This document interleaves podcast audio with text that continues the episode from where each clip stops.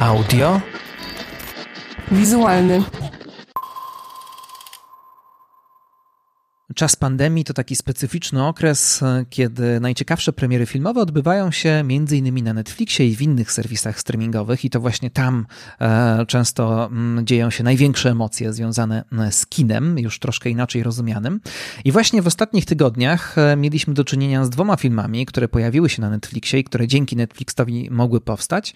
E, oba te filmy m, bardzo były wyczekiwane, bardzo dużo o nich mówiono i pisano jeszcze zanim można było je zobaczyć, i w końcu kiedy oba się wreszcie pojawiły, okazały się pewnego rodzaju rozczarowaniami. Chyba nie spełniły wszystkich tych oczekiwań, które w nie pokładano.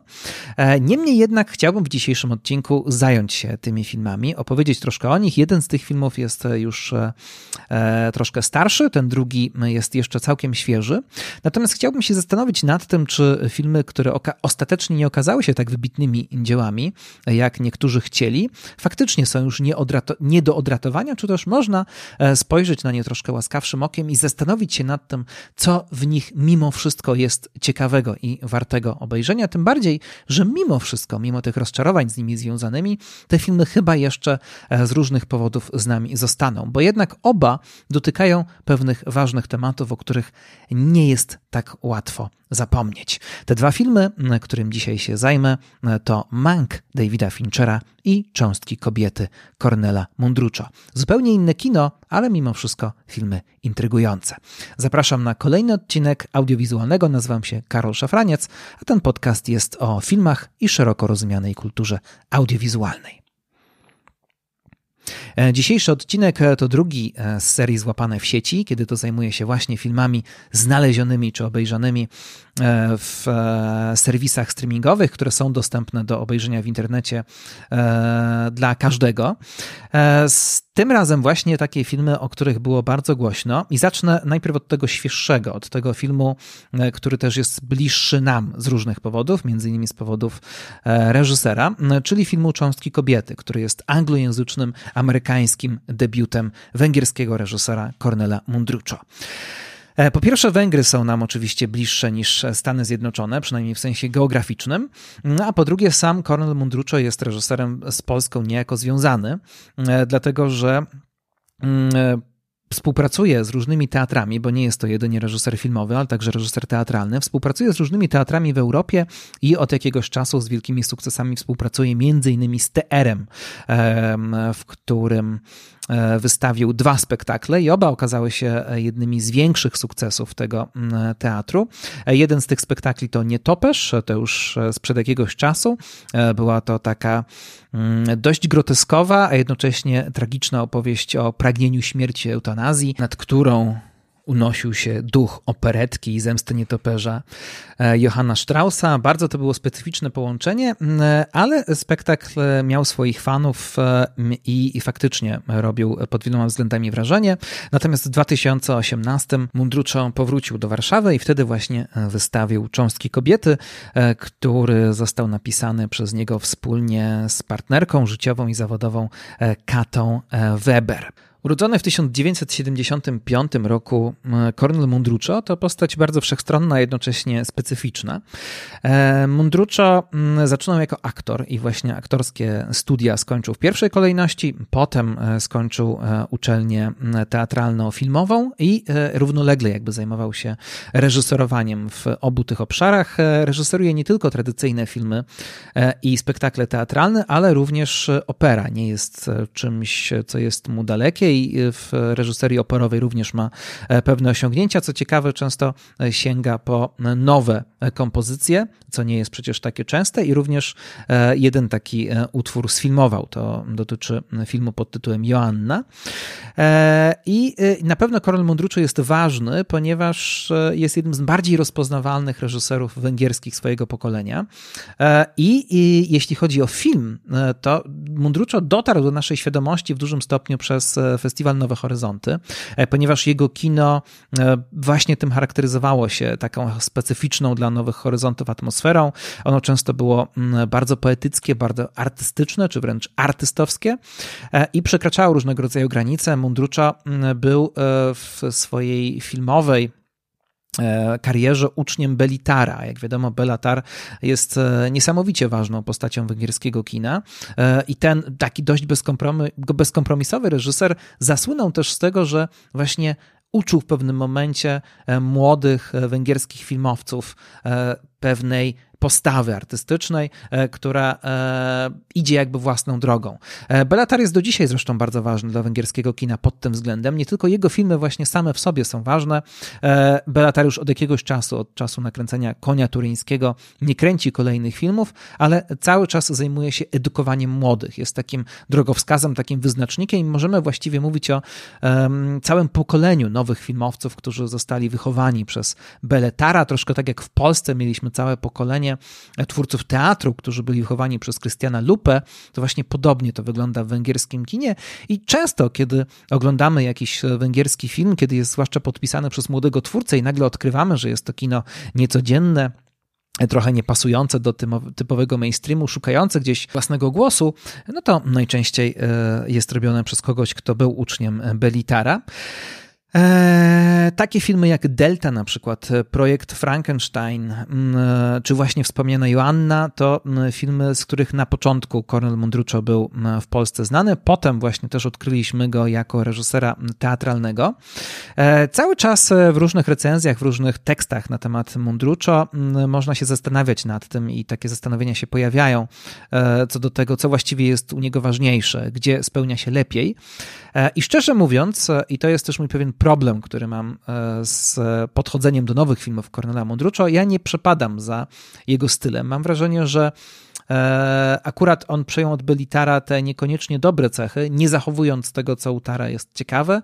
E, miałem zawsze wrażenie, że te jego wczesne filmy, takie bardzo eksperymentujące, zamiast być czymś fascynującym, zamiast być, być czymś hipnotycznym, czymś, co daje mi e, oryginalną wizję świata, raczej jest napuszone, właśnie takie skoncentrowane bardzo na, na formie, ale na formie, pod którą tak naprawdę niewiele się kryje. I często miałem wrażenie, zwłaszcza przypominając sobie Deltę czy projekt Frankenstein, że mam do czynienia raczej z taką pewnego rodzaju grafomanią, albo właśnie z takim stylem, który technicznie jest bardzo ciekawy, e, z reżyserem, który ma bardzo niezłą wizualną e, wrażliwość, ale właśnie pod spodem jakby niewiele się kryje. I e, mam wrażenie, że przynajmniej to, co udało się zobaczyć w Polsce, co udało się zobaczyć w Warszawie, miałem takie wrażenie, że być może Mundruczo jest właśnie ciekawszym reżyserem teatralnym i że tak naprawdę tam spełnia się lepiej i że pewne takie jego eksperymenty, pewne takie odloty i pewne ryzykowne pomysły, które wystawiają też na próbę widzów, w teatrze się sprawdzają lepiej, natomiast kiedy on ma mm, do dyspozycji całą tę materię filmową,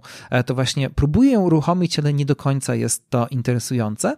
I coś się zmieniło, e, kiedy zaczął pracować e, z Katą Weber, z osobą, która zajmuje się dramaturgią, która sporo pisze i która zaczęła z nim tworzyć nowe historie i zaczęła z nim tworzyć scenariusze. Jak się okazuje, scenariusze i do teatru, e, i do kina. E, I film Biały Bóg, który zrobił sporo zamieszania, który był nominowany, nominowany do Oscara, był dla mnie takim przełomem, ponieważ to był pierwszy film Cornela Mundruczo, który mnie poruszył i który wydawał mi się interesujący, ciekawy. Film, który opowiadał o e, świecie, w którym następuje bunt psów, a główną bohaterką jest pewna dziewczynka, która chce ochronić swojego psa, był bardzo ciekawą, nośną metaforą. Na pewno był opowieścią e, w jakimś sensie o tym, co dzieje się w ojczystym kraju Cornela e, Mundruczo, a jednocześnie był opowieścią o Europie w ogóle, no i też o stosunku człowieka do natury i to jest coś bardzo uniwersalnego. I co ciekawe, Mundruczo zmienił tam radykalnie swój język filmowy, ponieważ jakby odszedł od takiego kina bardzo poetyckiego, i zaczął gdzieś dotykać kina bardziej mainstreamowego, kina bardziej popkulturowego. I być może to wszystko e, właśnie e, wynika z tej współpracy z Katą Weber, z którą potem e, tworzy też swoje kolejne pomysły filmowe e, i widać jakby, że one są już dużo bardziej przystępne.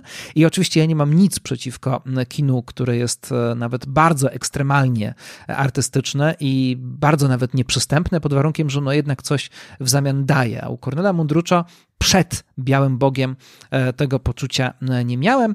No i również Cząstki Kobiety oglądane w TR-ze w Warszawie wydawał się być takim spektaklem, który jest troszkę mniej hermetyczny niż e, nietoperz, a który jednocześnie potrafi być bardzo poruszający, korzysta jakby z całego tego języka współczesnego teatru, nie boi się też pewnych zabiegów filmowych, bo e, mieliśmy takie bardzo przejmujące, um, oniryczne sceny w czasie tego spektaklu, które przypominały e, pewne zabiegi bardzo linczowskie, można powiedzieć, nie wiem, dym pojawiający się na sali, bardzo taka tajemnicza, wizyjna, wizyjna scena, która trochę przypominała wręcz horror, ale która jakoś broniła się w ramach tego spektaklu i to też ciekawie e, pokazuje, że Mundrucza potrafi się bawić też takimi elementami języka filmu, kiedy je przenosi do teatru, a może niekoniecznie, kiedy to e, dzieje się w drugą stronę. O czym w takim razie były cząstki kobiety, e, przynajmniej wersja teatralna?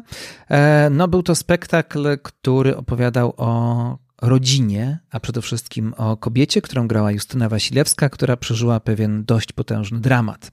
E, cały spektakl zaczynał się niezwykłą sceną, której nie oglądaliśmy bezpośrednio na scenie, ale oglądaliśmy ją przez obiektyw kamery wyświetlaną na ścianie e, w zupełnie innym miejscu. Wychodziliśmy jakby e, na zaplecze, z drugiej strony byliśmy właściwie na scenie i na tej scenie właśnie oglądaliśmy to, co dzieje się w pewnym mieszkaniu, do czego nie mamy bezpośredniego dostępu, a w tymże mieszkaniu pewna kobieta, Polka, która związana jest e, z partnerem pochodzącym e, z Skandynawii, rodzi dziecko. To jest poród, który ma miejsce w domu. Przyjeżdża położna, okazuje się, że są pewne komplikacje i coś, co na początku może powinno iść tak no, zgodnie z zasadami, okazuje się jednak przynosi ze sobą tragedię w postaci utraty dziecka. Wtedy przenosiliśmy się jakby w, do właściwej części, siadaliśmy na swoich miejscach, przenosiliśmy się na właściwą e, część sceny. No i drugą część, tą dłuższą, oglądaliśmy już jakby w klasycznej formie. Była tam zresztą też bardzo klasyczna scenografia, udająca takie mieszkanie polskiej klasy średniej. No i tam mieliśmy spotkanie pewnej rodziny, która okazuje się być rodziną głównej bohaterki. Przyjeżdża jej siostra, przyjeżdżają różni, różne inne osoby. A przede wszystkim jest matka. matka. Matka znakomicie zagrana przez Magdalenę Kutę. Szybko okazuje się, że w czasie tego spotkania rodzinnego dochodzi do konfrontacji różnych postaw. Rodzina jest oczywiście podzielona na różne sposoby. Są w niej osoby e, bardziej o katolicko-konserwatywnych przekonaniach, są też osoby mające takie lewicowo-aktywistyczne nastawienie do świata, ale szybko okazuje się to wszystko pewnego rodzaju fasadą.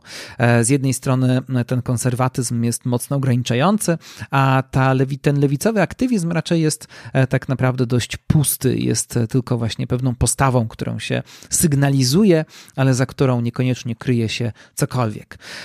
Mężczyźni e, w tej rodzinie, zwłaszcza Lars, czyli właśnie mm, partner głównej bohaterki, który był ojcem tego dziecka, które mm, zmarło. Mm, przybysz z zagranicy, ze Skandynawii, jest taką osobą jakby obcą z takiego innego, troszkę lepszego świata.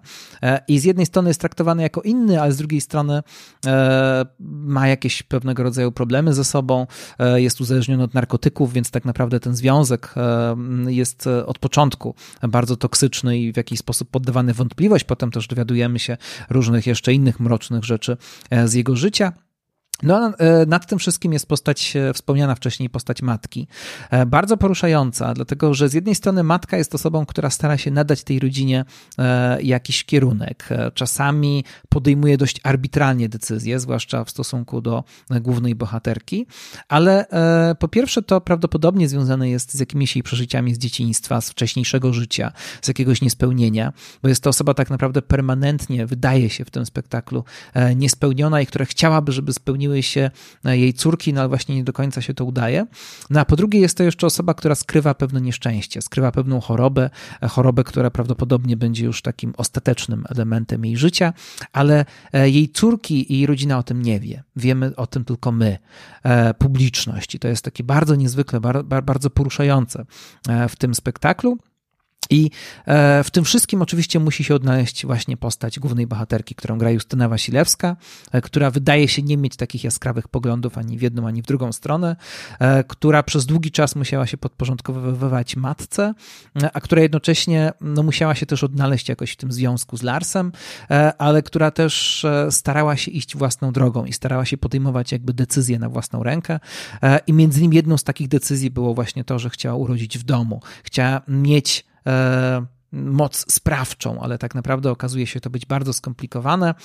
I jest to w dużym stopniu film o kobiecie, a właściwie o kobietach, które są uwikłane w różnego rodzaju oczekiwania społeczne, które przez cały czas są obserwowane. E, często się mówi o tym e, w tym spektaklu, jak ta rodzina jest widziana przez innych, e, jak ta rodzina jest, jakie są wobec niej oczekiwania, jak rodzina, w której wydarzyła się taka tragedia, jak ta strata dziecka, powinna się teraz zachować, a zwłaszcza jak powinna zachować się kobieta, która takie dziecko straciła. I co ciekawe, i co jest takie w tym spektaklu bardzo zniuansowane, ale też chyba trudne tak naprawdę, taki trudny temat, który jest poruszony, e, to jest to, jak bardzo kobiety mm, czy kobieta w dzisiejszym świecie e, jest poddana oczekiwaniom i spojrzeniom innych kobiet. E, I te inne kobiety często właśnie zwłaszcza narzucają sobie nawzajem pewne role i oczekują od siebie pewnego rodzaju zachowań, a same zachowują się tak dlatego, że wiedzą, że na nie też na nich też jest pewna presja. I ta presja mm, e, sprawia, że e, zaczyna się rodzić pewien rodzaj takiego wzajemnego braku solidarności. I najbardziej ta presja jest dojmująca w rodzinie, kiedy mamy właśnie sytuację sióstr, kiedy mamy sytuację matki i córki, albo matki i córek, które siebie nie rozumieją i które siebie ranią na różne sposoby, ale te rany wynikają z jakichś zadawnionych problemów albo niewypowiedzianych problemów ponieważ nikt tu nie jest do końca szczery ze sobą. No a jedyną osobą, e, co do której jakby wnętrza mamy dostęp, to jest właśnie ta główna bohaterka, która przeżywa swój dramat, która próbuje zachować pewną niezależność, e, która nie chce się podporządkować temu światu, ale jednocześnie nie ma takich jednoznacznych poglądów czy jednoznacznego podejścia ani do swojego dramatu, ani do świata wokół, jak te osoby e, wokół niej, które są takie bardzo jakby ekspansywne w swoim światopoglądzie, w tym jakie mają zdanie na każdy temat. Natomiast na pewno główna bohaterka cierpi, e, ma gdzieś to swoje cierpienie i próbuje się z nim pogodzić na własnych zasadach. Tak naprawdę zresztą każda z kobiet w tym spektaklu z własnym cierpieniem godzi się na własnych zasadach, gdzieś poza spojrzeniem pozostałych osób i spojrzeniem e, innych e, kobiet, nawet tych najbliższych. A nasza bohaterka też jest bardzo mm, empatyczna, potrafi zwrócić uwagę na pewne rzeczy, na pewne dramaty, które się dzieją wokół niej, na które inne osoby, które często właśnie mówią o wrażliwości, ale tylko mówią, nie do końca zwracają uwagę. E, w, w, filmie mamy sytuację troszkę inną. Po pierwsze, zaczyna się podobnie. Znowu jest e, historia tego feralnego porodu, który kończy się tragedią, i tym razem e, robi to ogromne wrażenie. Robi to chyba wrażenie większe niż w teatrze. I co ciekawe, Efekt też jest odwrotny niż miało to miejsce w warszawskim, w warszawskim spektaklu, dlatego że kiedy w teatrze oglądamy coś nie bezpośrednio, a zapośredniczone poprzez kamerę, to mamy jednak pewien efekt dystansu. Mieliśmy takie poczucie e, w teatrze, oglądając cząstki kobiety, że nie jest to, e, ten moment porodu jest tak intymny, że publiczność nie powinna w nim istnieć. Zresztą też e, granie tego wszystkiego na scenie byłoby w jakiś sposób prawdopodobnie mm, nierozważne, miałoby się może takie poczucie, e, że nie jest to w odpowiedni sposób pokazane, że to może nie jest autentyczne, a właśnie wtedy, e, kiedy oglądaliśmy to przez kamerę, mieliśmy wrażenie, że jesteśmy w środku, ale jednocześnie, że coś podglądamy, ale że właśnie też nie mamy do tego naprawdę dostępu. Widzimy, co się stało, ale dopiero później z tego, co będziemy oglądać w tej drugiej części, dowiemy się, jak tak naprawdę na bohaterów, a przede wszystkim na bohaterkę ta dramatyczna sytuacja oddziaływała. E, w, oglądając film Cząstki Kobiety, mamy sytuację dokładnie odwrotną nie w teatrze, tylko w filmie, kamera sprawia, że jesteśmy od razu jakby w samym środku, że niesamowicie identyfikujemy się z tą sytuacją i naprawdę sprawia to wrażenie takie, jakbyśmy tam byli. Nie ma tutaj żadnego dystansu, ale właśnie takie poczucie bliskości. Tym bardziej, że cała ta scena nakręcona w jednym długim ujęciu, jest niesamowicie intensywnie zagrana i właśnie aktorstwo jest zresztą tutaj absolutnie pierwszorzędne i wszystkie trzy postacie tak naprawdę w tej scenie grają świetnie. Z jednej strony oczywiście Vanessa Kirby, do której jeszcze wrócę, która jest główną gwiazdą tego filmu i o której już dużo mówiono jeszcze zanim ten film w końcu się ukazał. E, często się mówi, że to e, żelazna kandydatka do Oscara w tym roku. E, z drugiej strony partnerujący jej Shia LaBeouf, który naprawdę sprawia wrażenie tutaj osoby bardzo zdeterminowanej i która chce pomóc swojej żonie. No i do tego jeszcze dawno nie widziano na ekranie Molly Parker, która gra właśnie tę położną, która potem zostanie oskarżona o to, że nie, do, nie dopełniła swoich obowiązków. Molly Parker kiedyś e, grała w takim kanadyjskim, kontrowersyjnym, niezależnym filmie Zimny Pocałunek, który dotyczył tematu nekrofilii. Potem pojawiła się jeszcze w filmie Centrum Świata Wayne Wonga. Rzadko ją oglądamy, czasami pojawi się w jakimś serialu, a tutaj gra świetnie. Gra taką osobę, która ma ten pewien E, specyficzny uśmiech, e, którego oczekujemy od kogoś, kto ma nam pomagać w trudnych sytuacjach, która jest jakby cały czas pozytywna, chociaż tak naprawdę im bliżej końca, tym bardziej ona wie, że coś się dzieje, ale musi zachować twarz, bo nie chce e, sprawić, nie chce doprowadzić do paniki, a poza tym wie, że bohaterka, która rodzi, jest bardzo zdeterminowana, jeśli chodzi o to, żeby rodzić w domu. To zresztą też jest kolejna sytuacja, która ma tutaj znaczenie, bo ta sytuacja wyboru miejsca, gdzie chce się urodzić własne dziecko, e, również jest takim jednym z problemów tego filmu. E, Kata Weber e, opowiada, że napisała tę historię z jednej strony bazując na pewnych własnych przeżyciach, na przeżyciach innych kobiet, o których słyszała, ale też na przeżyciach a właściwie na historii, która miała miejsce publicznie na Węgrzech, kiedy właśnie debatowano w mediach sytuację pewnej położnej, która została oskarżona o to, że mm, jej zaniedbania doprowadziły do śmierci dziecka, no ale z drugiej strony poród miał miejsce w domu i to też wzbudziło kontrowersję co do tego, czy matka, która wybiera sobie dom jako miejsce narodzin w dzisiejszych czasach nie jest tak naprawdę samolubna. To jest temat, który wraca potem i w spektaklu, a zwłaszcza wraca w filmie, ponieważ w filmie pojawia się coś, czego w warszawskim, e, warszawskiej wersji teatralnej nie było, czyli pojawi się potem proces. Cała rodzina, a przede wszystkim matka e, głównej bohaterki e, chce, żeby ta położna została ukarana, bo to jest tak naprawdę jej wina.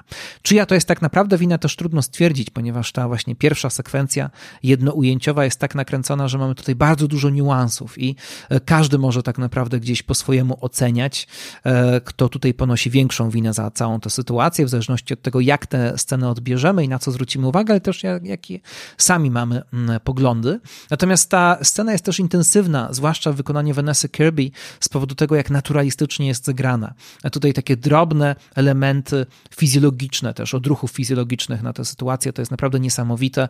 E, to robi większe wrażenie niż robiło w teatrze i naprawdę warto dla tej sceny ten film zobaczyć, chociaż oczywiście e, jest ona też mocno wstrząsająca, ale pewnie też bardzo prawdziwa i pokazuje rzeczy, których rzadko tak naprawdę się, e, o których rzadko się mówi w kinie, ponieważ pewne aspekty związane z porodem, z utratą dziecka, to jest właśnie temat, który wcale nie jest tak częsty, jak mogłoby się wydawać. W drugiej części części filmu mamy troszkę inaczej niż w teatrze rozbicie właściwie tej drugiej części na dwie połowy. E, pierwsza to taka bardzo intymna, poetycka opowieść o rozpadzie związku. Mamy przede wszystkim właśnie Vanessa Kirby i Shia LeBuffa, ich małżeństwo, które e, ulega rozpadowi, a dopiero potem mamy spotkanie rodzinne, e, gdzie dochodzi do konfrontacji właśnie tych wszystkich postaw, co jeszcze dodatkowo prowadzi do sceny procesu sądowego, którego w ogóle nie było w oryginale warszawskim. To, co jest jeszcze tutaj znaczące, to fakt, że oczywiście cała rodzina jest, jest w troszkę innej sytuacji. Tutaj mamy bardzo, no, dość bogatą rodzinę klasy średniej, amerykańskiej, pochodzenia żydowskiego. Wszyscy prawdopodobnie pochodzą gdzieś z Węgier. E, matką całej tej rodziny jest Ellen Burstyn, czy kobieta grana przez Ellen Burstyn, e, przez znakomitą aktorkę, która tutaj jednak moim zdaniem ustępuje polskiemu odpowiednikowi. E, Ellen Burstyn jest bardzo apodyktyczna. Jest osobą, która ma pieniądze i tymi pieniędzmi też może e, w jakiś sposób rządzić swoimi córkami. I przede wszystkim właśnie główną bohaterką, której na początku kupuje samochód, ponieważ ich za bardzo na samochód nie stać, ale to jaki to będzie samochód, to ona decyduje. I ani główna bohaterka, ani jej mąż tak naprawdę nie mogą, czy jej partner nie mogą tutaj za bardzo mieć cokolwiek do powiedzenia, co zwłaszcza tego partnera, tego mężczyznę, który chciałby w tym związku mieć coś do powiedzenia w jakiś sposób boli, e, no ale potem się okazuje, że też e, to właśnie ona, właśnie ta starsza kobieta chciałaby, żeby odbył się e, proces, no ale ten proces jest też w jakiś sposób przez nią wymuszony. Jak to wszystko się kończy, to oczywiście tego nie będę opowiadał, natomiast warto powiedzieć, że w filmie sytuacja męża jest zupełnie inna, dlatego, że o ile w wersji teatralnej ewidentnie ten mąż, który, czy ten partner głównej bohaterki jest jest jakimś oszustem, jest takim bardzo śliskim człowiekiem, który trochę chyba przyjechał z bogatego kraju do środkowej Europy mm, i traktuje związek z Polką jako pewnego rodzaju rozrywkę albo jako pewnego rodzaju też pretekst do różnego rodzaju ciemnych interesów. Mm, o tyle Shia LeBouf po pierwsze robi bardzo dużo, żeby swoją postać obronić. LeBouf gra swojego bohatera w taki sposób, że naprawdę pokazuje pewną determinację, ale z drugiej strony jest to człowiek nękany problemami, dlatego że jest to niepijący alkoholik, który powraca do picia przez to, co się wydarzyło i który zaczyna szukać pieniędzy po to, żeby móc pić. E, no i ten związek też e, od różnych stron się rozpada i on, mamy wrażenie, chciałby go ratować, ale potem już powoli nie widzi żadnego sensu. Tym bardziej, że w tej rodzinie traktowany jest e, jako ktoś gorszy, ponieważ o ile w polskiej wersji właśnie Lars był kimś jakby z innego, lepszego świata, tutaj również e, postać e, tego partnera to jest postać z innego świata, to jest znowu ktoś obcy, ale obcy w innym sensie, ponieważ jest to człowiek e, z klasy robotniczej, człowiek, który zajmuje się budową mostów, który bardzo się stara, ale cały czas ma właśnie takie poczucie, że nie pasuje i że przez teściową czy przez matkę partnerki jest właśnie traktowany w taki sposób mało podmiotowy i tak naprawdę ona wymusza na nim pewne różnego rodzaju rzeczy i on, jego to frustruje, on z tym wszystkim jakoś musi sobie poradzić. I oczywiście do całej tej historii dochodzi kontekst e, tego, co dzieje się poza filmem związanym z Shea LeBouffem, zwłaszcza, że LeBouf gra tutaj właśnie nadużywającego alkoholu mężczyznę, który ma gdzieś skrywaną i czasami tylko wybuchającą skłonność do przemocy. I z jednej strony on to świetnie zagrał, ale oczywiście budzi oglądanie tego pewnego rodzaju dyskomfort, bo wiemy, że Shia LaBeouf ma teraz potężne problemy. Został oskarżony przez swoją byłą partnerkę, piosenkarkę FKA Tweaks, o znęcanie się właśnie nad nią, o przemoc domową. E, no i kiedy oglądamy jakby takie parowanie się życia z tym, co jest na ekranie, to budzi to pewien dyskomfort, e, ale oczywiście ja bym uważał, że nie powinno się samej roli oceniać e, z perspektywy tego, co dzieje się w prywatnym życiu LeBouffa. Natomiast warto tutaj oczywiście wspomnieć o tym, że LeBouf rozlicza się ze swoim trudnym charakterem, ze swoim uzależnieniem, ze swoimi problemami psychicznymi już od jakiegoś czasu w różnego rodzaju dziełach, między innymi w filmie Słodziak, e, w którym zagrał e, własnego ojca. No i też LeBouf jak na razie nie wypiera się tych wszystkich oskarżeń, przyznaje się do tego, że był przemocowcem, że miał problemy, no i że skrzywdził wiele osób. No i oczywiście, jeśli e, przemoc domowa jest czymś strasznym i też mam nadzieję, że LeBouf zostanie e, ukarany za to, za co ma być ukarany, natomiast być może gdzieś znajdzie jakąś, e, jakąś drogę wyjścia, no ale to nie zmienia faktu, że mnie przynajmniej w tym filmie przekonał i to jest właśnie bardzo ciekawe, że ta postać tego męża jest troszkę inaczej ustawiona niż w spektaklu i że LeBouf moim zdaniem dał przynajmniej jakiś cień e, tej postaci, taki, który sprawia, że chcemy ją troszkę zrozumieć. E, z Białego Boga wiemy, że, posta- że mm, motyw psa jest Kornelowi Mundruczo bardzo bliski i pies, zwłaszcza bezdomny pies, porzucony pies, to jest taka mm, właśnie taki, taki symbol, czy taka figura, z którą się mocno identyfikuje i która powinna budzić empatię. No jest taki moment, e, kiedy wyrzucony jakby poza nawias rodziny e, Lebów, który też nie poradził sobie po prostu z tym, co się stało, e, właśnie jest skonfrontowany z psem, a jednocześnie jego zachowanie jest na tyle dwuznaczne, że możemy go równie dobrze nie lubić i właściwie stwierdzić, że jest to postać zupełnie nieciekawa. E, no i mamy podobnie jak w wersji e, teatralnej, mamy tutaj też e, konfrontację z matką, która okazuje się, że ma pewne traumy ze z wcześniejszego życia. Traumy, które sprawiają, że właśnie dlatego ona jest tak bardzo nadpobudliwa, czy tak bardzo nadopiekuńcza, czy też tak bardzo właśnie kierująca swoją córką. No i próbujemy dzięki temu ją zrozumieć. To znowu tutaj jest ta opowieść o tym, jak ta, jak jakiś problem, jakaś trauma w życiu, w życiu kobiety, potem sprawia, że ona e, musi być silna, musi pokazać, że sobie z tym radzi i narzuca potem tę siłę kolejnym pokoleniom e, kobiet. E, cała ta sytuacja rozwiązuje się w troszkę inny sposób niż w teatrze. E, w jaki sposób to też bywa kontrowersyjne. Natomiast co się temu filmowi zarzuca? Otóż zarzuca się mu często to, że e, jest niewiarygodny, że o ile ta pierwsza sekwencja, która jest świetnie nakręcona i świetnie zagrana, e, robi ogromne wrażenie, o tyle to, co dzieje się później, budzi już pewnego rodzaju wątpliwości, że czasami ten film jest nierówny, czasami mamy bardzo dobrze napisane dialogi i w innych momentach znowu to wszystko jakby się rozłazi, że postać Vanessa Kirby nie jest dostatecznie określona, że ona się tak błąka troszkę po ekranie, musimy się dowiadywać, co właściwie e, w środku niej się dzieje. E, tak, zgadzam się z tym, że mm, ten film bywa nierówny. Zgadzam się z tym, że na pewno nie jest to arcydzieło takie, jakbyśmy mogli oczekiwać, e, ale na przykład wątek tego, że zachowanie się głównej bohaterki i to, jak sobie radzi z własną traumą, jest mało realistyczne, to ten zarzut, on się często, najczęściej pojawia w recenzjach pisanych przez mężczyzn. Z tego, co czytałem, mam wrażenie, że mm, kiedy kobiety za, zabierają się za ocenę tego filmu, najczęściej ocena jest bardziej zniuansowana. Czasami faktycznie pojawia się takie oskarżenie, e, że w tym filmie jest mało wyczucia i że to, jak zachowuje się bohaterka, w rzeczywistości wyglądałoby zupełnie inaczej, ale pojawiają się też takie właśnie opinie, e, że e, to między innymi jej rozedrganie i to takie jej nieokreślenie jest właśnie bardzo prawdziwe i że to inni, ci, którzy na nią patrzą, chcieliby, żeby ona się określiła, żeby w jakiś sposób radziła sobie, stawiła czoło problemowi, a ona po prostu przez długi czas chce się schować i chce w jakiś sposób dojrzeć do podjęcia jakiejś decyzji, która, nie, która powinna być jej decyzją, a nie decyzją innych. E, I to wszystko, nawet przy tych wszystkich mieliznach, które w tym filmie się pojawiają, robi ogromne wrażenie. I właśnie przede wszystkim aktorstwo tutaj jest e, potężne. Vanessa Kirby naprawdę jest znakomita, ale też wspomniana wcześniej Molly Parker, Shia LeBouf. Najsłabiej chyba w tym wszystkim wychodzi e, Ellen Burstyn, ale e, jeśli ktoś jeszcze nie widział cząstek kobiety, to osobiście polecałbym właśnie podejść do tego filmu w taki sposób bez nadmiernych oczekiwań bez oczekiwania może też na jakąś taką bardzo koherentną historię, która nam e, powie jakieś bardzo jednoznaczne mądrości życiowe, a raczej jest to właśnie taki, taka próba medytacji. Czasami, podobnie zresztą jak w spektaklu, jest tutaj zbyt dużo takiej ciężkiej symboliki, takiej może zbyt dosłownej. E, już zresztą mm, pisano dużo e, także w polskim internecie o e, nadmiernie pokazywanych na przykład uschłych kwiatach i że to wszystko jest takie banalne. Owszem, czasami ta taka symbolika czysto wizualna właśnie mądruczo nie wychodzi. Ona nie wychodziła mu już wcześniej.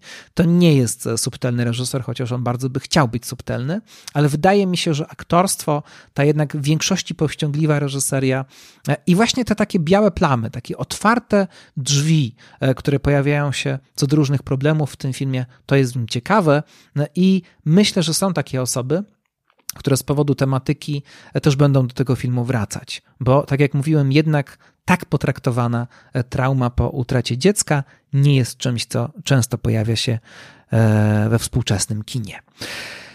E, tyle o cząstkach kobiety, a teraz drugi film, e, o którym chciałem porozmawiać, czyli film Mank, film Davida Finchera. I z samego faktu, że jest to film Davida Finchera, jest to oczywiście już rzecz mocno oczekiwana. W dodatku wiadomo było, że David Fincher zajmie się tematem właściwie E, takim no, fundamentalnym dla historii kina, e, bo zajmie się tematem powstawania obywatela Keina, a przynajmniej pewnej kontrowersji związanej z tym, kto jest autorem pomysłu na ten film, kto jest autorem e, scenariusza do tego filmu. Wiadomo było, że David Fincher chce ten film zrobić od lat, ponieważ scenariusz napisał jego ojciec, Jack Fincher, dziennikarz, który gdzieś na początku lat 90. miał już gotowy taki mm, pomysł na to, żeby zająć się tym filmem, a potem to się wszystko rozwijało. Podobno scenariusz był gotowy pod koniec lat 90., no ale David Fincher dopiero teraz postanowił ten scenariusz zrealizować, między innymi dlatego, że Netflix, którym e, Fincher no, od czasów House of Cards, czyli już bardzo długo jest zaprzyjaźniony, dał mu po prostu wolną ręką, dał mu wolną rękę, to znaczy powiedzieli, że po prostu on może zrobić to, co chce. Wiadomo było, że film będzie czarno-biały, że będzie przywoływał język kina lat 40. No niektórzy chyba oczekiwali, że i, i, i zresztą słusznie, ja też troszkę tak oczekiwałem, że powstanie film o obywatelu Kane'ie, który będzie chciał sam być nowym obywatelem Kane'em, który będzie jakimś e, rarytasem formalnym, technicznym, popisem wirtuozerii, jak to często ma miejsce w przypadku Davida Finchera. No i oczywiście też popisem aktorskim. Wiadomo było, że Gary Oldman jest w głównej roli, będzie grał e, Hermana Mankiewicza, czy też Mankiewicza, e, czyli słynnego właśnie scenarzystę hollywoodzkiego, e, który napisał Obywatela Keina, ale potem miał problemy z tym, żeby zostać uznanym jako autor scenariusza. Wiadomo było, że Orson Welles, genialne dziecko sztuki amerykańskiej, przede wszystkim teatralnej najpierw, zabrał mu tak naprawdę wszystkie zasługi, że przywłaszczył sobie autorstwo tego dzieła. No i od tego oczywiście czasu, cały czas są kontrowersje wokół tego filmu.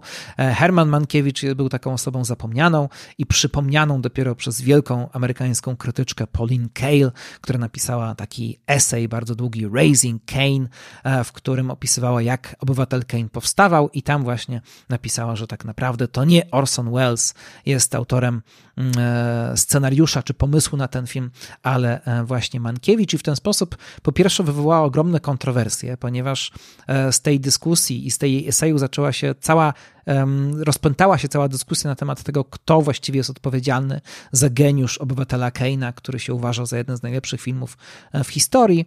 Mm, e, no ale jednocześnie właśnie e, Pauline Kael przypomniała w ogóle tę postać Mankiewicza, no i od tego czasu e, to też stała się taka osoba, która fascynowała filmowców, bo e, film Davida Finchera nie jest pierwszym, który e, tym tematem się zajmuje. Przy okazji też przypomniała, przypomniała ta cała afera wokół tego eseju postać samego Orsona Wellesa, który od lat 60. czy od lat 70. zaczął być przypominany jako taki bardzo niezwykły autor, jako absolutnie wybitny twórca, którego niesłusznie E, potem, jeśli można tak powiedzieć, zgnojono w Hollywood po obywatelu Kane'ie i którego niesłusznie wtedy uważano też właściwie za autora jednego filmu.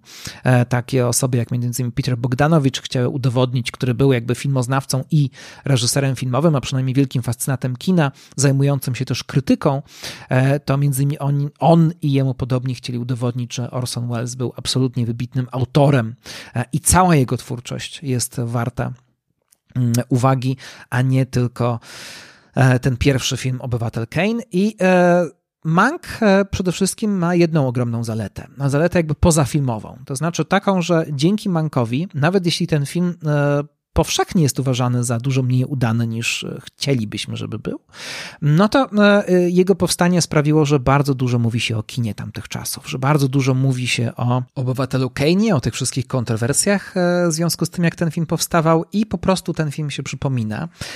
I przypomina się też postać Pauline Kael. I zaczyna się jakby cała nowa dyskusja, która przy okazji znowu jest dyskusją na temat istoty kina.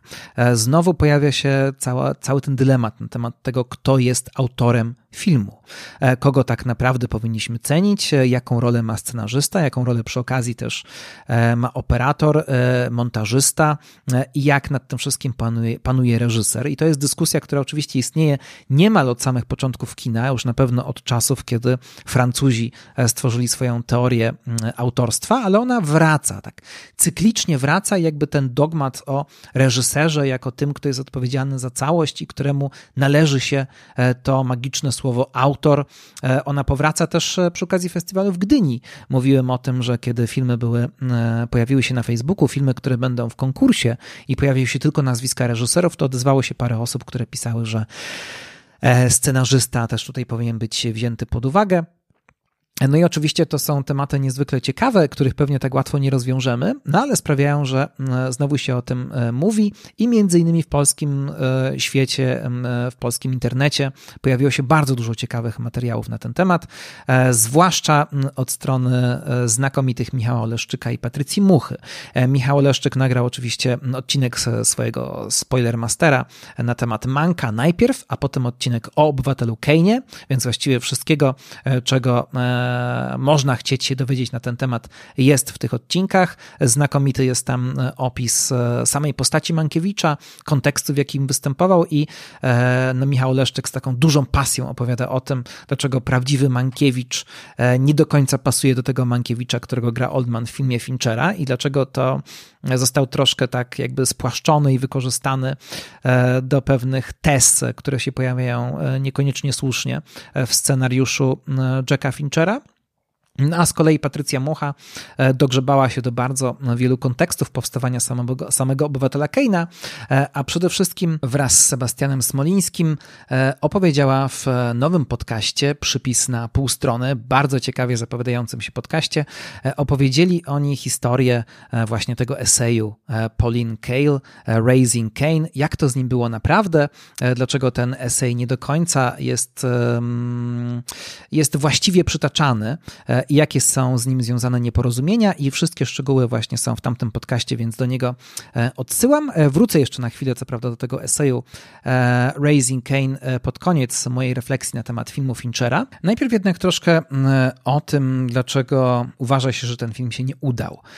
No prawdopodobnie wynika to z tego, że ten film jest o czymś troszkę innym niż się spodziewaliśmy.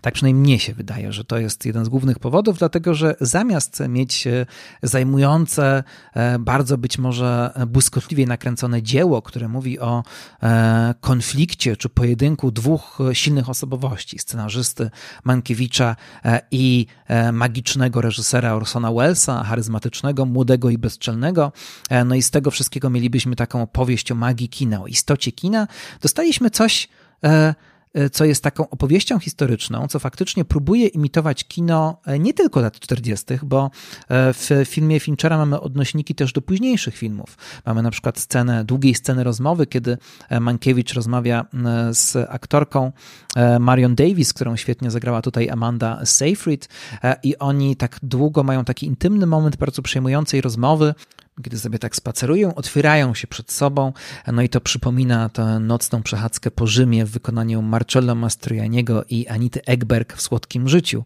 e, Federico Felliniego. E, zresztą w pewnym momencie w tej rozmowie e, Mankiewicza i Marion Davis pojawia się również fontanna, więc jest to celny trop, więc więcej takich różnych jakby elementów retro pojawia się w tym filmie. Nie wszystko tutaj oczywiście do siebie pasuje, na przykład o czym też wspominał w swoim podcaście Michał Leszczyk. E, szeroki format ekranu jest z lat 50., a e, rzecz dzieje się e, przecież na początku lat 40. i w latach 30., bo mamy w tym filmie liczne flashbacki, więc raczej Fincher tworzy tutaj taki konglomerat troszkę starego kina, niż odwołuje się, niż próbuje jakby stworzyć własną wersję stylu z danej epoki, próbuje ożywić jakiś styl z konkretnego roku. Raczej jest to właśnie taka jakaś wizja magiczna przeszłości kina.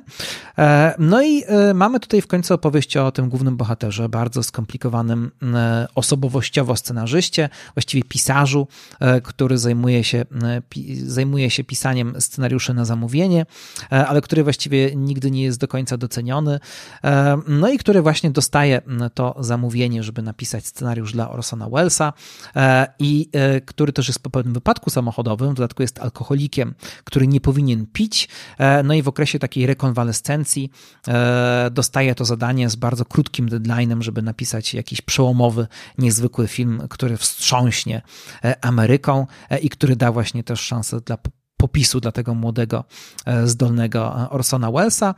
No i coś, co początkowo staje się po prostu takim metodą na przeżycie, metodą na przetrwanie i po prostu pewnego rodzaju zleceniem, staje się takim początkiem do wchodzenia we własną przeszłość. I Mank zaczyna się zastanawiać nad tym, e, w jaki sposób był um, związany z establishmentem e, Hollywoodu w latach 30., w jaki sposób też widział zaplecze, zaplecze działania polityki.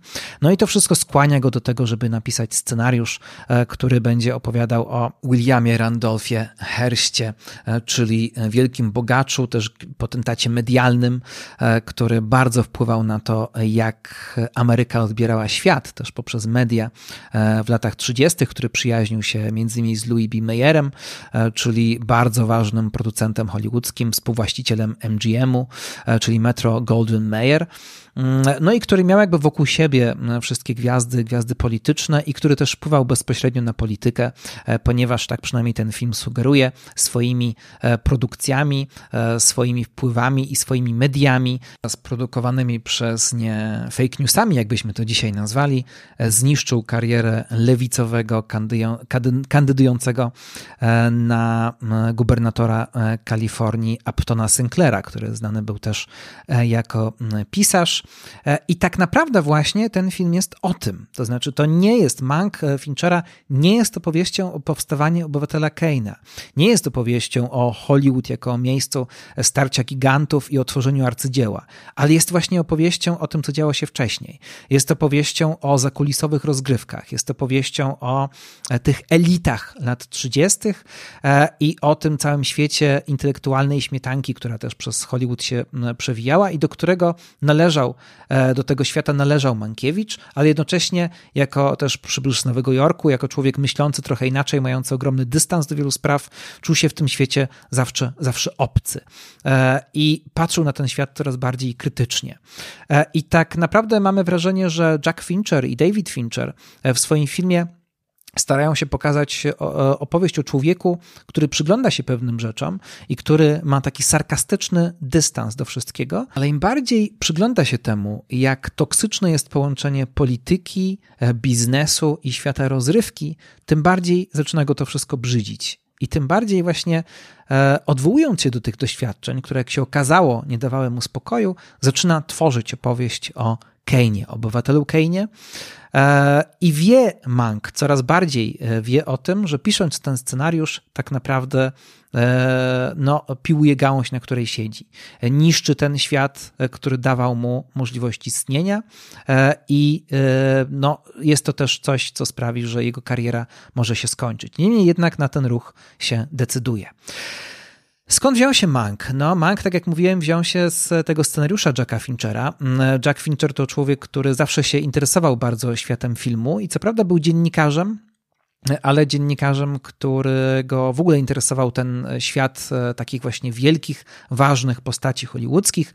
E, swego czasu mm, Jack Fincher napisał taki draft scenariusza, scenariusza o Howardzie Hughesie, czyli tym słynnym bogaczu, który również miał wpływ na świat filmowy.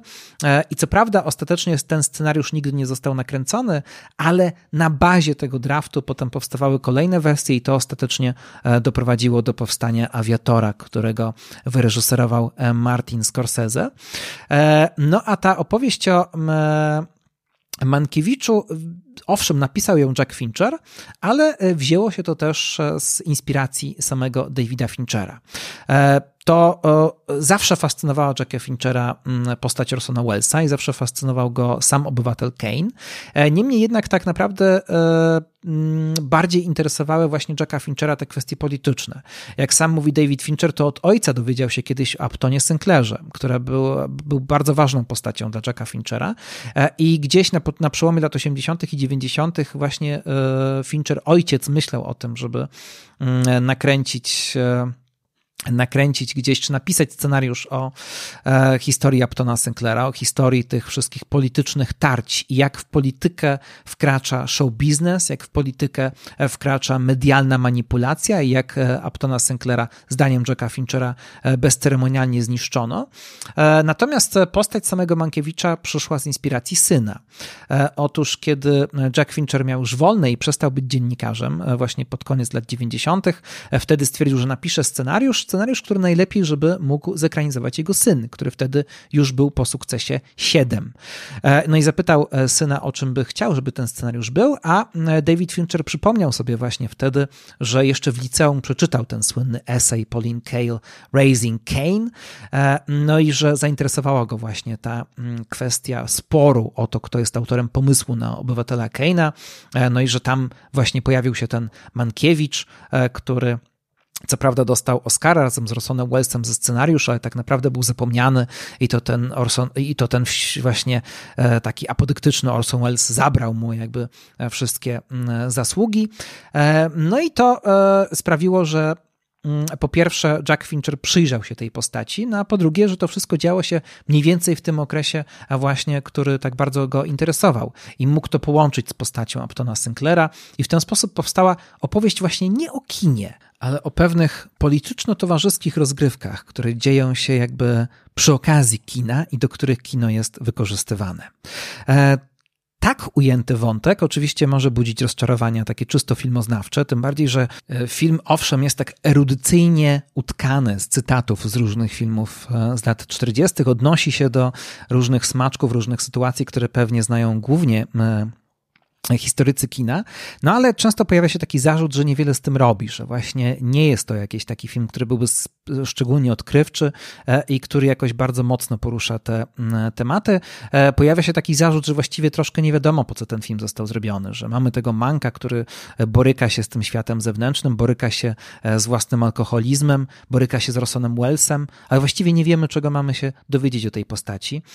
Często też się mówi, że trudno się zaangażować w ten film, że mimo tego, że jest tak e, interesująco zrobiony, e, to jednak na swój sposób jest nudny, e, ma takie powolne tempo, ginie gdzieś w takich bardzo bogatych dialogach i właśnie jakby nie tego od Finchera oczekiwano.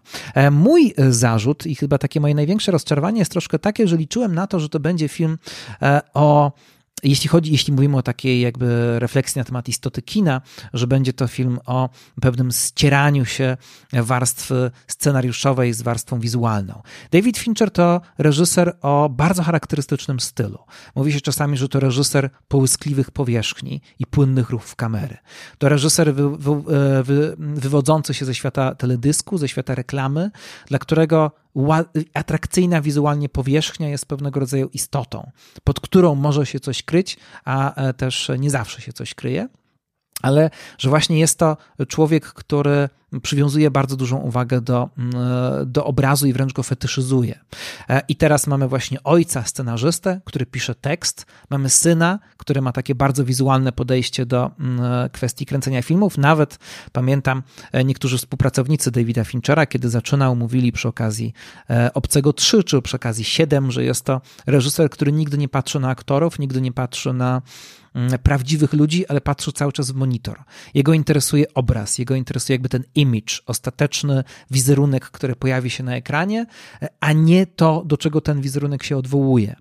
Mm, e, no ale z drugiej strony właśnie jednak obraz filmowy e, jest e, pewnego rodzaju, bazuje na tekście i że z jednej strony to, co widzimy, wypływa z tego, co zostało wcześniej napisane, ale też ze sobą cały czas walczy. I tak właśnie mogliby walczyć ze sobą Mank E, z Orsonem Wellesem e, i w taki sposób też e, napisy na przykład, ponieważ ten film jest skonstruowany w taki sposób, że jakby widzimy na ekranie fragmenty scenariusza, ale one mogą walczyć też, też z osobowością silnego wizualnie reżysera. Ale to wszystko są pewnego rodzaju oczekiwania. Tymczasem również z wywiadów z Davidem Fincherem wynika, że on chciał powiedzieć E, o czymś troszkę innym. I tutaj e, dochodzę do tej jakby części, która ma być obroną Manka, bo powiem, że chociaż Mank mnie rozczarował, że właśnie nie jest filmem tak niezwykłym, e, tak robiącym wrażenie i tak odkrywczym, czy mówiącym coś ważnego o kinie, to jednak po pierwsze ja się w ten film zaangażowałem. Uważam, że Gary Oldman troszkę się zgrywa grając Manka, ale Mank był postacią, która w ogóle się zgrywała i w ogóle to był taki świat. Ta Ameryka lat 30., świat, w którym wszyscy mają być błyskotliwi i dowcipni. Takie wtedy powstawały filmy z tak pisanymi dialogami, ale takie też były środowiska, e, do których Mank należał. E, I tutaj mamy dużo takich towarzyskich rozgrywek, właśnie takich przyjęć, czy takich jakby spotkań, gdzie każdy musi zabłysnąć jakąś celną, błyskotliwą ripostą e, i podobnie stara się błyszczeć Mankiewicz, ale też widzimy, że coraz bardziej go to męczy, albo że czasami ta błyskotliwa, e, ten błyskotliwy sarkazm jest e, tylko pewnego rodzaju tarczą obronną przed światem, który właśnie jest dość okrutny. Mank co prawda zachowuje dla siebie w środku pewne niemiłe obserwacje na temat Hersta czy na temat e, Meyera, ale zdradza je tylko nielicznym, więc tak naprawdę jest postacią coraz bardziej smutną i zgorzkniałą, i tylko popisującą się właśnie swoim cynicznym humorem.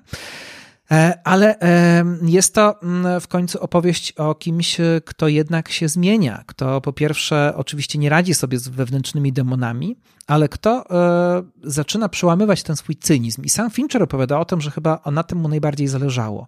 E, Fincher mówi, że ten film oczywiście z jednej strony wynika z fascynacji ojca i z oddania, stara się Fincher tym filmem oddać hołd swojemu ojcu, ale też ten film wynika z jego frustracji Hollywoodem.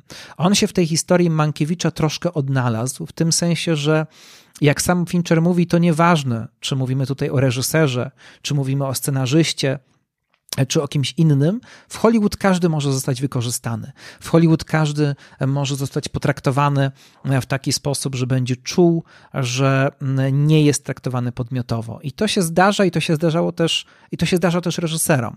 E, I Fincher, oczywiście, wszyscy, którzy śledzą jego karierę, wiedzą, że powstawanie Obcego 3 było takim traumatycznym przeżyciem, e, kiedy właśnie Fincher spełniał, z jednej strony miał niezwykłą okazję nakręcić kolejną część słynnej serii, E, będąc debiutantem. No a z drugiej strony nie miał nad tym filmem specjalnej, nie miał w tym filmie specjalnej wolności artystycznej, a jak sam opowiada, często spotkania z producentami, z różnymi osobami, od których jego kariera wtedy była zależna, były takie bezduszne, e, były mm, bardzo nieciekawe e, i jakby oni nie rozumieli tego, o co mu chodzi. Ostatecznie on ma do tego filmu straszliwy uraz i w dużym stopniu właśnie te frustracje Hollywoodem zostały w tym filmie jakby w manku zostały wyrzucone. E, mówi też Fincher o tym, że właśnie przy okazji e, Obcego 3 nauczył się tego, że praca w Hollywood sprawia, że jest bardzo dużo wymuszonej współpracy. To znaczy współpracują ze sobą ludzie, którzy zupełnie współpracować nie mają ochoty, którzy nigdy w normalnych warunkach by się ze sobą nie spotkali, e, nie znaleźliby wspólnych pomysłów, ale Hollywood tego wymaga. Praca przy tym biznesie filmowym sprawia, że ludzie są łączeni w takie niecodzienne, nietypowe pary i mogą się nienawidzieć, mogą się nie zgadzać, ale jednak coś potem z tej współpracy narzuconej przez kogoś, przez producenta na przykład, ostatecznie e, wyjdzie. I czasem może się okazać, że wyjdzie zaskakująco dobrze, bo to również jest kolejna rzecz, na której Fincherowi zależało.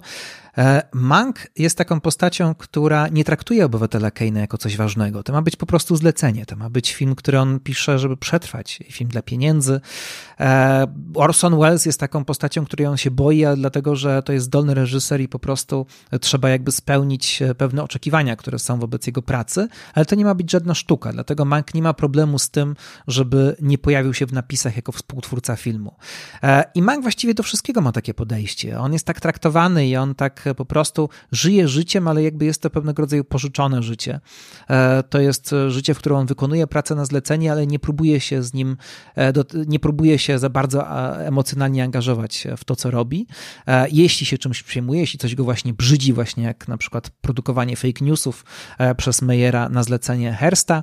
E, no to wszystko gdzieś jakby jest obok, ale właśnie tworząc ten scenariusz do Manka, przynajmniej ten filmowy Mankiewicz, ten Mankiewicz filmu Davida Finchera, zaczyna odkrywać, że zrobił coś znaczącego, że zrobił być może jedyny raz w życiu e, coś osobistego, coś wypływającego z trzewi i coś, co mówi o świecie wokół niego i jest gotów za pierwszy raz w życiu być może zaryzykować całą karierę.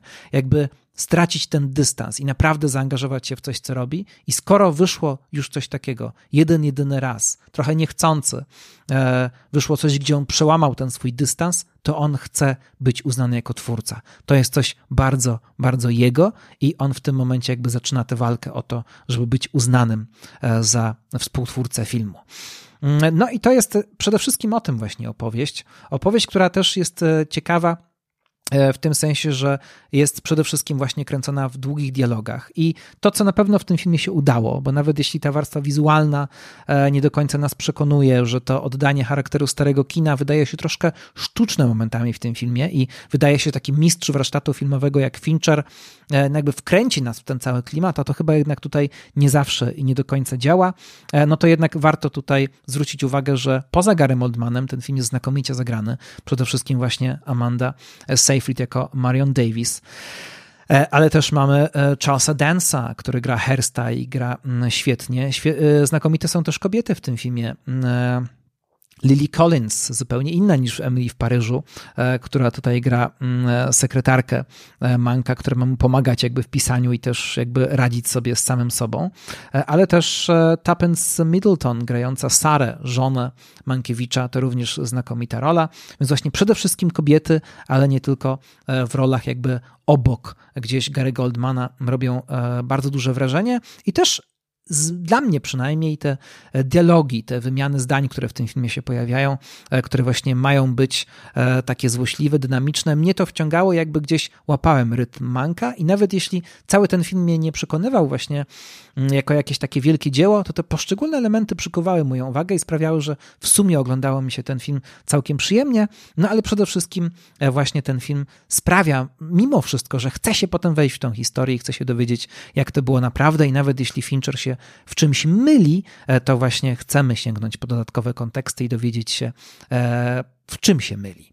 E, ważnym oczywiście jeszcze aspektem zupełnie pomijanym w większości polskich recenzji jest ten kontekst amerykański dotyczący współczesności. To znaczy sięgnięcie po historię o Uptonie Sinclairze i o historię tego, jak Hearst wraz z wytwórnią MGM manipulował materiałami filmowymi, e, jak Hearst jakby tworzył fake newsy w tamtych czasach i to też jest ważne, że fake newsy nie są wymysłem współczesności. Wielu już historyków, także historyków Ameryki zwraca na to uwagę, że e, takie rzeczy działy się od dawna, no a często się też mówi, że wiele rzeczy we współczesnej polityce, we współczesnym nastroju politycznym niepokojąco przypomina to, co działo się na różne sposoby w latach 30. No i też takie przemówienie Manka, kiedy Mank ma jednak wszystkiego dosyć, jest pijany i zbiera mu się się na szczerość i zaczyna opowiadać e, pewien pomysł na opowieść o kimś, kto będzie przypominał e, właśnie Hersta, jest e, opowieścią, która mogłaby do pewnego stopnia przecież też być opowieścią o Donaldzie Trumpie. Nie da się ukryć, że czuć w tym filmie, że to ma być film o trumpizmie, to ma być film o tej erze współczesnej, a Fincher tworzy go w taki sposób, żeby szukać właśnie tych analogii między tym, co działo się wtedy i co dzieje się teraz. Czy to jest dla kogoś przekonywujące, czy nie? Być może mm, też e, no zachęcam do tego, żeby właśnie spojrzeć może w ten sposób też na ten film, właśnie nie jako powieść o kinie, ale jeśli ktoś, kogoś interesuje to powstawanie obywatela Keina, to oczywiście do Keina zawsze warto e, wracać e, i e, warto posłuchać tych podcastów, które tutaj polecałem, jeśli ktoś jeszcze tego nie zrobił. I przy okazji troszkę podcastu Patrycji Muchy i Sebastiana Smolińskiego, gdzie omawiają tekst Pauline Kael, Raising Kane, od którego właśnie zaczyna się całe to zamieszanie, mm, no to warto powiedzieć, że Przede wszystkim chyba ten spór, e, który rozpoczęła Pauline Kael, wcale nie dotyczył, i wydaje mi się, tu jest takie duże nieporozumienie, nie dotyczył tego, kto jest autorem filmu Obywatel Kane. Bo chyba wszyscy się zgadzają, nawet przeciwnicy teorii e, autorskiej i nawet właśnie Pauline Kael w swoim własnym tekście, wszyscy się zgadzają co do tego, że za film de facto odpowiedzialny był Orson Welles. To jest w duży, w, jednak w największym stopniu jego rzecz, bo niezależnie od tego, że w filmie były pomysły operatorskie Grega Tolanda, muzyka Bernarda Hermana, właśnie scenariusz Mankiewicza, to bez Orsona Wellesa, jako takiej siły, która najpierw to wszystko zainspirowała, potem to połączyła i która miała pomysły na to, e, jak stworzyć z tego przekonującą całość, no to oczywiście nie moglibyśmy mówić w ogóle o tak niezwykłym dziele jak Obywatel Kane. Niemniej jednak ta, ten e, spór faktycznie dotyczył nie tego, kto jest autorem filmu, ale kto jest autorem scenariusza. I to wydaje się być e, kluczową sprawą, dlatego że do czasu eseju Pauline Kael wydawało się, że po prostu na pomysł tego filmu i na pomysł tego, żeby zrobić film o Herście i prze, e, przemienić tę opowieść o Herście na taki e, filmowy amerykański mit, no to wydawało się, że za to wszystko jest odpowiedzialny Orson Welles. I właśnie gdzieś tutaj zniknęła ta postać e, Mankiewicza i że to, że mamy Hersta, że mamy opowieść taką, a nie inną, że to wszystko wywodzi się jeszcze z osobistych doświadczeń scenarzysty, no to to wszystko miało znaczenie i o tym historia nie powinna zapominać. Ale jednak różnica jest między dyskusją o tym, kto jest autorem filmu, a kto jest autorem scenariusza do filmu.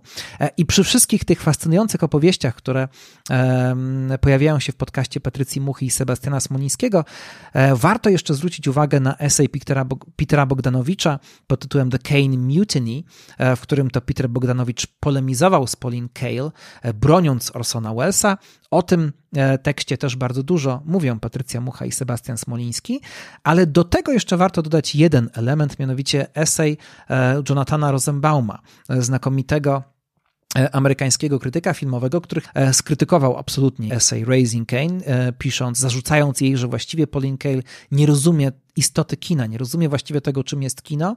Nawet Rosenbaum potem pisał, że dzisiaj napisałby ten esej jeszcze ostrzej niż wtedy i że absolutnie nie wycofuje się z tego, w jaki sposób potraktował wnioski Pauline Kael.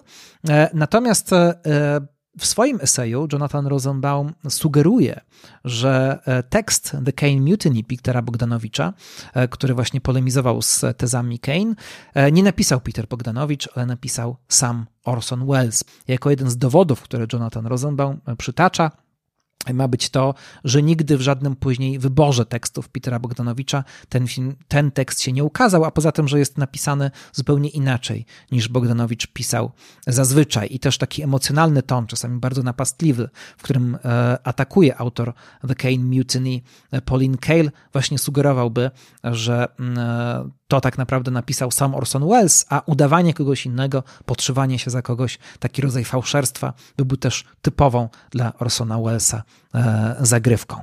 Także mamy bardzo dużo jeszcze tajemnic tak naprawdę związanych z powstawaniem obywatela Keina, niekończące się dyskusje, ale też być może właśnie troszkę zgodnie z zamierzeniami Davida Finchera warto spojrzeć na e, Manka nie tyle jako na opowieść o kinie, ale jako opowieść o Ameryce i o pewnych mechanizmach dotyczących również polityki i jak polityka z mediami się łączy. A czy Gary Oldman był przekonujący, czy nie, to już każdy będzie miał tutaj pewnie własne zdanie i przy nim pozostanie. Dziękuję bardzo. E, to była opowieść właśnie o dwóch filmach, które ostatnio na Netflixie. Zapraszam na kolejny odcinek audiowizualnego. Tym razem zajmiemy się filmowymi przygodami Davida Bowie. Zapraszam.